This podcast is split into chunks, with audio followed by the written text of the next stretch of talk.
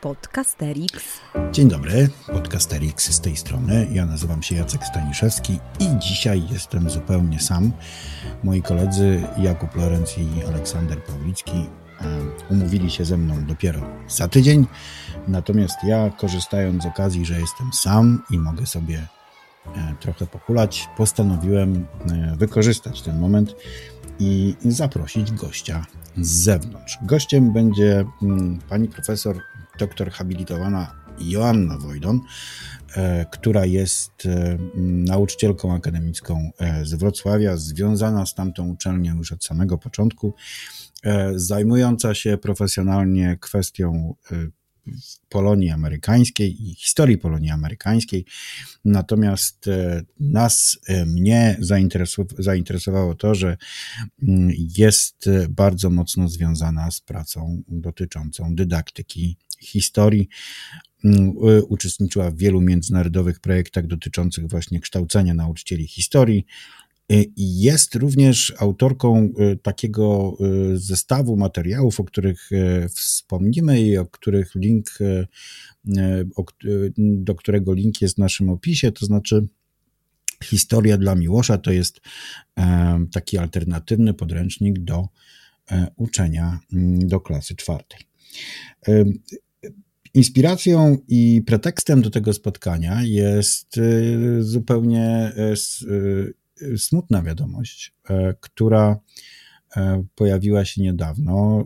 Profesor Peter Seixas, mieszkający w Kanadzie, historyk, który rozpoczął mówienie o i pisanie i o tak zwanym historical thinking, czyli o myśleniu historycznym, zaczął się, zaczął się tym interesować i wprowadził historię, zresztą nie tylko on, też będziemy o tym mówić, na trochę, uczenie historii na trochę inne tory. W jednym z odcinków Podcasterixa, chyba nawet nie jednym, Olek Pawlicki się do niego odwołuje. Profesor zmarł kilka tygodni temu i pomyślałem sobie właśnie, że warto będzie o nim, o jego pracy, a później już o innych rzeczach związanych z przedmiotem jego pracy porozmawiać. E, zapraszam do rozmowy i zapraszam również na następne e, odcinki podcasterixu już z moimi kolegami. Podcasterix. No dobrze, to zacznijmy od, e, od tego smutnego, smutnego akcentu naszej rozmowy, czyli od niedawnej śmierci Petera Seixasa e, i człowieka, który nieodmiennie kojarzy się niektórym z pojęciem e, historycznego myślenia, myślenia e, czy, czy, czy historical thinking po, po angielsku. Chciałbym się ciebie najpierw zapytać o to w ogóle, jak to, to pojęcie rozumieć. No i oczywiście, jaki wpływ na całą tą koncepcję miał niedawno zmarły profesor. To ja może zacznę od końca, czyli jaki miał wpływ y, na tę koncepcję. On ją stworzył właściwie równolegle z tym myśleniem historycznym, czyli historical thinking. Jest jeszcze historical reasoning i parę innych y, takich y, podejść do tego, co robią historycy, zanim wyprodukują teksty mówione czy pisane. Natomiast mm. właśnie to thinking to było Seixasa chyba z początku XXI wieku, chociaż on już wcześniej prowadził takie badania, bo on uczył w szkole przez kilkanaście lat i nie tylko tak uczył podawczo, ale też patrzył jak odbierają y, uczniowie y, i to, czego on uczy i w ogóle y, świat y, historyczny wokół siebie. No i właśnie wtedy zobaczył, że oni to odbierają inaczej niż on jako wykształcony historyk. E, no i to cała taka, taki trend był właśnie e, z jednej strony Seixas, z drugiej strony Weinberg w, w Stanfordzie, e, że zaczęli takie badania prowadzić, czym się różni to, jak myślą historycy, jak tworzą historycy, jak interpretują przeszłość, a jak to robi niehistoryk, czyli taki laik. No i tutaj um, uczniowie szkół średnich stanowili dosyć dobrą taką grupę badawczą ludzi, którzy muszą się zajmować historią, e, a nie mają w tym e, wielkiej wprawy. E, no i właśnie Seixas to uporządkował w taki sposób, że sześć takich aspektów myślenia historycznego, czy rodzajów myślenia historycznego wyróżnił, to zostało ładnie zwizualizowane w postaci takiego mózgu historyka i tam w różnych częściach tej głowy historyka te aspekty są. On je wymieniał tam w określonym porządku, ale szczerze mówiąc, to nigdy się nie wgłębiałam, czy jest to hierarchia, czy po prostu no, tak wyszło. Yy, więc może ja niekoniecznie będę e, po kolei, ale w każdym razie no, takie rzeczy oczywiste, czyli dla, dla nas jako historyków chyba, czyli myślenie przyczynowo-skutkowe, dalej ciągłość i zmiana, y, opieranie się na dowodach historycznych, doniosłość historyczna, perspektywa historyczna i wymiar etyczny przeszłości. Przy czym nie wszystkie chyba one w taki potoczny sposób o, się przekładają. Znaczy, no na przykład jak myślimy o myśleniu przyczynowo-skutkowym, no to się wydaje, że to jest logiczne, że tym się historyk zajmuje, ale Seixas tam drąży dalej i mówi, że to nie tylko o to chodzi, że jest przyczyna, a później jest skutek, tylko żeby zobaczyć, że przyczyn jest wiele i skutków też może być wiele i należy patrzeć na to szeroko. Yy, nie każda oczywista nie każda rzecz jest mhm. przyczyną nie wiem, jakiegoś tam wydarzenia historycznego, współwystępowanie czy następstwo wydarzeń nie oznacza y, tego wynikania przyczynowo-skutkowego, więc no, on tam y, apeluje, żeby, żeby to drążyć. Mm, tak samo doniosłość historyczna. No tak, ale kiedy popatrz kiedy właśnie, no właśnie o tą doniosłość chciałem się zapytać bardziej, bo są takie rzeczy, które brzmią w miarę, y, w miarę mm, tak, tak, tak podobnie, jak, jak do, co do czego jesteśmy przyzwyczajeni, nawet jeżeli gdzieś tam głęboko to nie jest do końca to, o czym myślimy. No ale z drugiej strony padają takie kwestie jak y, no to podjęcie się doniosłości historycznej, e, która już y, jest dla nas trochę y, mm, obca, chociaż wydaje nam się, że uczymy o samych ważnych rzeczach, to tu rozumiem, że chodzi nie o to, żeby uczyć o ważnych rzeczach, tylko o tym, żeby uczyć uczniów, dlaczego coś jest ważne, albo z, z, nimi o tym rozmawiać. Dobrze to rozumiem? Dokładnie i on też pisze, że to, czy coś jest ważne, czy nieważne, zależy od pewnego kontekstu i nie jest tak, że niektóre wydarzenia są obiektywnie ważne, a inne są obiektywnie nieważne, e, i raczej każe na przykład, znaczy zachęca do tego, żeby tej doniosłości szukać w życiu zwykłych ludzi, w jakichś takich pomijanych sprawach, ponieważ w, w pewnych aspektach to właśnie one są doniosłe. Um, one są ważne, a poza tym ta doniosłość może się też zmieniać w czasie. Y, ja takie ćwiczenie robiłam na takich warsztatach w Euroclio y, pewnego razu, mhm. mianowicie no, kilkanaście chyba wydarzeń wypisałam niektóre z nich właśnie są takie, że wydają się, że wow, typu atak na World Trade Center, tak? Ale jak pomyślimy, jakie to, jaki to miało wpływ po latach, powiedzmy, każdy to, tę datę pamięta i w, w newsach to było super, to uznaliśmy wtedy tam w tej dyskusji, że to przegrywa na przykład z wynalezieniem internetu, chociaż daty wynalezienia, data wynalezienia internetu nie była ogłaszana w mediach w tym momencie, kiedy to zaczęło działać, tak? Natomiast dzisiaj, no to widzimy, że to naprawdę zmieniło świat tak od A do Z. Tak, bo jesteśmy, te, znaczy mamy już ten dystans, którego e, wtedy nie mieliśmy i e, pewnie podobnie będzie z innymi wydarzeniami. Ale e, jeszcze wracając do tej, do tej wielkiej szóstki, bo tak czasami jest to nazywane, zresztą on chyba wydał taką książkę, która nazywa się The Big Six i tam ta, ta szóstka jest dokładnie omówiona. Właśnie jak to mówiłaś, to, to sobie otworzyłem tę, tą grafikę z tym mózgiem. To tam jeszcze jeden punkt dla mnie jest bardzo, bardzo ciekawy, to ethical dimensions, które e, rzadko w ogóle jest e, wśród tych wszystkich historyków, nazwijmy to, chcących uczyć inaczej e, wymienianych. Ja nie pamiętam, jak u ciebie to brzmiało w polskim tłumaczeniu, ale chciałbym prosić ciebie o, o, o rozwinięcie jeszcze tej, tego e, aspektu. Ja tego to tłumaczyłam jego... jako wymiar etyczny, y, ale dodawałam też zarówno historii, jak i zawodu historyka, co nie jest dosłownym. No i co tam się dzieje? Tłumaczeniem. No właśnie tu jest taki jakby problem, znaczy, bo z jednej strony i, i, i Seixas pokazuje, że to jest problem. Znaczy, bo on z jednej strony mówi, nie przykładajmy współczesnej miary do tego, co robili w przeszłości. Tak? Czyli nie wyżywajmy się na Kolumbię na przykład. Na tak przykład, bardzo. tak, bo on mhm. w swoim subiektywnym y, mniemaniu i w mniemaniu, powiedzmy sobie, współczesnych, e, był w porządku. No ale z drugiej strony właśnie pokażmy ten dystans, ale nie mówmy, że no on był w porządku, bo wtedy tak było, nie? Czy że, nie wiem, właściciele niewolników, no to wtedy było w porządku i przechodzimy my na tym do porządku dziennego. No więc nie, że to było złe, ale wtedy po prostu inaczej to było interpretowane. Tak ja rozumiem to, o, o, co, o co jemu chodzi. E, czyli wtedy, bo on też w innym miejscu pisz, no, przytacza ten taki słynny cytat, że past is a foreign country, nie?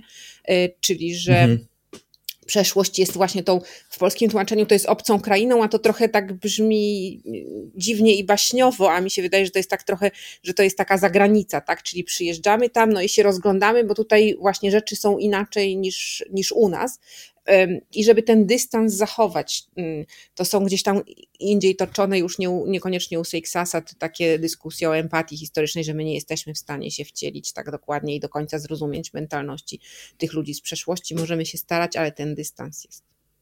No to, no to fajnie, że, że mówisz już o kimś innym, bo oczywiście tutaj z jakiegoś y, powodu oczywistego oddajemy y, mu y, należną cześć, ale to on nie jest jedynym, wspomniałaś o, o Weinbergu ze Stanów Zjednoczonych, jeszcze jest pewnie kilku takich, takie, tak, takie osoby, które są ko, kojarzone z tym rodzajem uczenia historii, mm, nazwijmy to nie, tam w pewnym, pamiętam, że też czytałem twój artykuł, który opublikowałaś w, w Wszystko co najważniejsze i tam, tam mówisz o tych trzech e, typach e, uczenia historii, tym takim najbardziej e, charakterystycznym, tradycyjnym, który polega na szukaniu e, szukaniu no właśnie bohaterstwa, tożsamości narodowej, a potem te dwa kolejne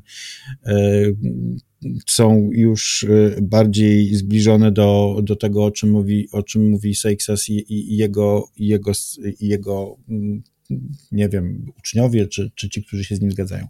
Ale pytanie moje jest takie, e, z Twojej wiedzy, bo tu cały czas chyba jednak jest jakaś nisza, prawda? To znaczy, na ile te, to podejście do uczenia historii, tego historical thinking jest e, popularne globalnie, e, a na ile jednak przeważa ta kwestia takiego uczenia tradycyjnego, w której historia pełni pewną rolę no, nauczycielki tożsamości i nauczycielki, czy, czy twórczyni e, dumy i tożsamości narodowej?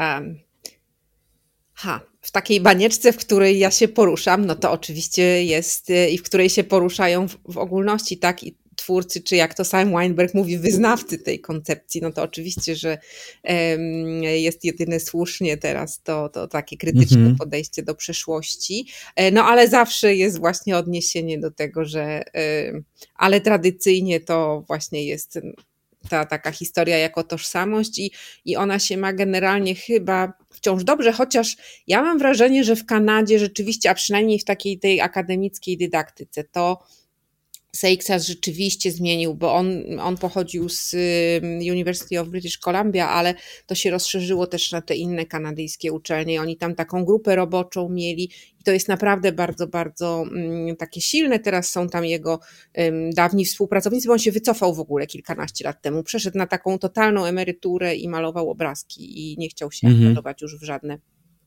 y, w żadne aktywności e, naukowe też zdaje się, że zmagał się z chorobą. No ale w każdym razie ta, ta, ta szkoła jest dosyć silna w Stanach, no to jest Weinberg, ale mówię, on sam mówi, że to, to wyznawcy jego, chociaż w takich ośrodkach metodycznych, znaczy nie tyle metodycznych, co akademickich oni się mają dobrze. W Anglii też taka krytyczna szkoła, ona gdzieś tam od Petera Lee chyba się y, wywodziła, y, przy czym ona dostała mm, jakby taką żółtą kartkę od y, polityków, którym bardzo nie pasowało, to Terry Hayden o tym pisał, mm, takie odejście od imperialnego, znaczy w sensie krytykowanie, kwestionowanie dorobku Imperium Brytyjskiego, e, no jakby zrozumiałych Jasne. dla nas niestety powodów politycznych, tak jak to tak nie uczyć dumy dumy.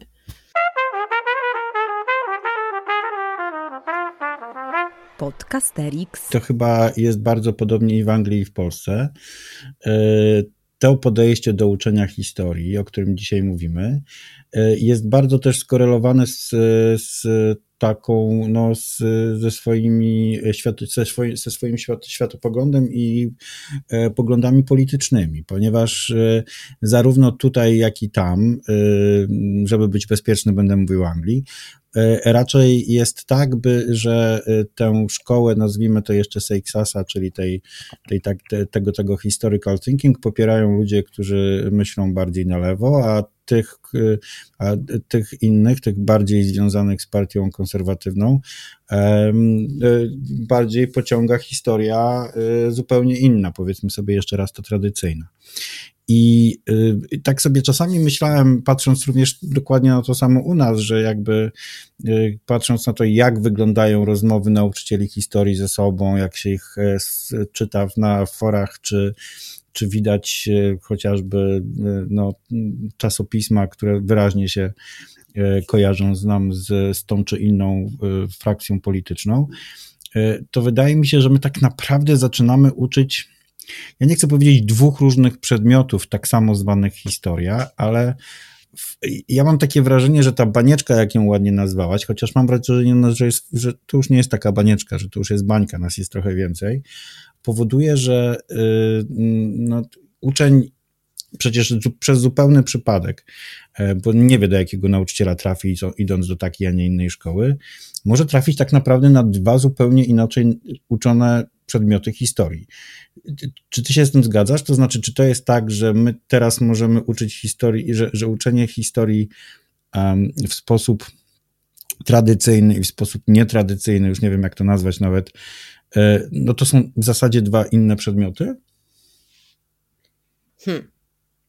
Dobre pytanie. No właściwie no to tak, y, tak by to wyglądało, aczkolwiek moja próbka takich y, absolwentów, że tak powiem, szkół, tak, ci, którzy trafiają do mnie na zajęcia z dydaktyki historii, to ja się właściwie no może nie, że nie spotkałam, ale to są naprawdę pojedyncze osoby, które by miały w szkole taką krytyczną historię. Także w tym sensie u nas chyba ten tradycyjny model ma się naprawdę wyśmienicie. Czyli jednak banieczka. Jednak banieczka. No ale może bańka, może to rośnie. Paradoksalnie mi się wydaje że, yy, ostatnio, że ta taka wzrastająca presja polityczna spowodowała też taki ferment pozytywny wśród nauczycieli. To znaczy, że oni właśnie zaczęli dostrzegać, że podręcznik to jest jakaś narracja stworzona, z którą można się nie zgadzać, a niekoniecznie tylko ją przyjmować i przekazywać. Jakby to przegięcie w stronę takiej zideologizowanej historii wywołało no niezamierzony chyba skutek. Tak mi się. Tak, bo trzeba było takiej porządnej, e, porządnej e, to delikatnie nazwać, e, tępej łopaty, jaką e, nam e, podano na historię i teraźniejszość, żebyśmy zobaczyli, że ten tekst, który jest w książce, wcale nie musi być że on wcale nie jest obiektywny. I, I zaczęliśmy też e, myśleć o tym, jak wykorzystać hit, i to, i to się faktycznie dzieje, jak wykorzystać hit po to, żeby jakby nie zmarnować tej godziny czy dwóch na, y, na realizację tego, czego o nas chcą e, o czym marzą, żebyśmy mówili, i wtedy okazuje się, że tak naprawdę, nawet znam takiego nauczyciela, e, książka profesora Roszkowskiego również może być dobrym wstępem do tego, jak to się czyta i co z tym należy zrobić, i zaczynamy krytycznie podchodzić do te tekstu podręcznikowego, a nie na przykład do y, źródeł. Swoją drogą tych źródeł tam w ogóle nie ma w tym, tym podręczniku, tam są tylko zdjęcia i tekst.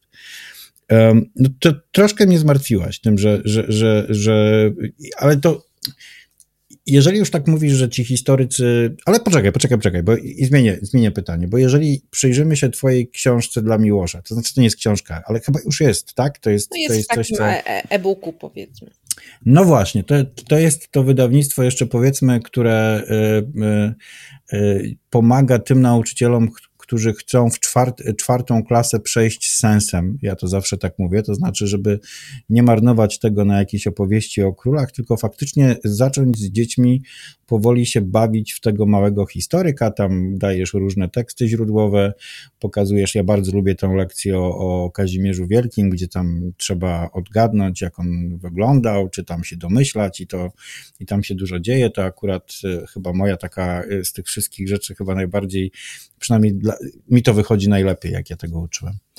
Um, ale no właśnie, bo y, pytanie jest takie, y, czy inspirując się Twoją książką, y, czy tym wydawnictwem dotyczącym czwartej klasy e, podstawówki, czy uważasz, że naszą historię, która jest przeładowana, wiadomo, faktograficznie, można w jakiś sposób uratować w taki, znaczy po to, żeby uczyć go właśnie, uczyć jej w taki sposób, o jakim Seixas by pewnie pomarzył? Czy to jest jednak nie do uratowania, bo treści jest tyle, że, że się po prostu nie da? Nie, no to ja tu jestem optymistką i entuzjastką i jakby życie swoje spędzam kształcąc tych y, młodych adeptów. No. I no, no. czasami się najpierw spo, spotykam z takim oporem, to znaczy ci studenci, tylko moja teoria jest taka, że skoro oni przyszli na historię, to znaczy, że im ta historia taka, jaka jest, pasowała w szkole i Ale jest, model powielać, nie? Bo ci, którym tak. nie pasowała, których zniechęciła, no to na historię nie przyszli.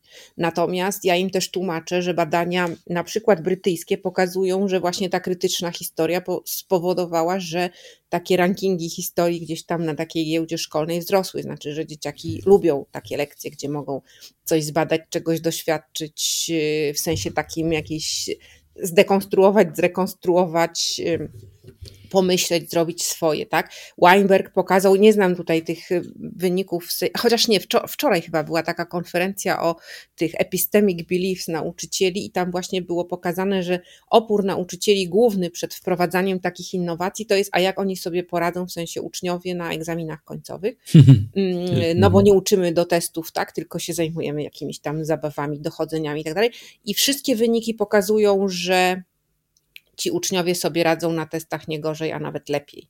Y, że jakby to, że oni nie kują tam tych dat po drodze, to nie szkodzi, bo oni się ich uczą przy okazji, rozwiązując tam właśnie takie te różne ambitniejsze zadania. No i mm, jak taka informacja się gdzieś tam do tych nauczycieli przebija, to oni są wtedy jakby spokojniejsi, tak? Bo nauczycielom się też wydaje, że jak oni w cudzysłowie nie przerobią właśnie tego wszystkiego, co gdzieś tam jest w podstawie programowej, w wymogach egzaminacyjnych, to ich uczniowie nie zdadzą matury. Tak jakby uczniowie po prostu od tej czwartej klasy podstawówki to oni już się tylko uczyli do matury. No a prawda jest taka, że przecież się uczą tam przez ostatni kawałek czasu już tak intensywnie, ale całej tej kultury historycznej to rzeczywiście się uczą przez mm, tamte 8 czy ile lat y, historii w szkole jest. I, i, I to jest ten czas, żeby właśnie tych nawyków, tak, y, te nawyki wyrobić, a Weinberg to pięknie pokazał na zajęciach, że jak się fajnie pokazuje treści, nawet bezsensowne, to się no tak działa mózg, że zapamięta te bezsensowne treści. On wprowadzał takie zupełnie sztuczne pojęcia, używając do ich wyjaśnienia kolejnych sztucznych pojęć i po dwóch tygodniach sprawdził, że ci jego studenci właśnie te bzdury pamiętali, no bo fajna była anegdotka i wszystkiego się nauczyli. Tak to wygląda. Dobrze, dziękuję Ci bardzo. E, to e, gdzieś tam się zawsze wokół tego historycznego myślenia poruszamy, ale taka e, dawka teorii w praktyce nam się tutaj bardzo przyda. Profesor Joanna Wojtan była naszym gościem. Dziękuję Ci bardzo. Nawzajem. Powodzenia z szkołą. To był Podcasterix. Wysłuchali Państwo kolejnego odcinka podcastu Trzech Nauczycieli Historii, którzy lubią sobie pogadać o swojej pracy, bo ją po prostu uwielbiają. Tych trzech jegomości to Kuba z charakterystycznym R, Olek z charakterystycznym głosem i Jacek, który czuwał nad nagraniem i montażem. Podcast przygotowano dzięki wsparciu Szkoły Edukacji Polsko-Amerykańskiej Fundacji Wolności i Uniwersytetu Warszawskiego, w której cała trójka pracuje. Więcej informacji na stronie szkolaedukacji.pl. W czołówce wykorzystano dźwięki na wolnych licencjach, a głosu użyczyłam ja, czyli Adriana Bąkowska. Zapraszamy na kolejny odcinek.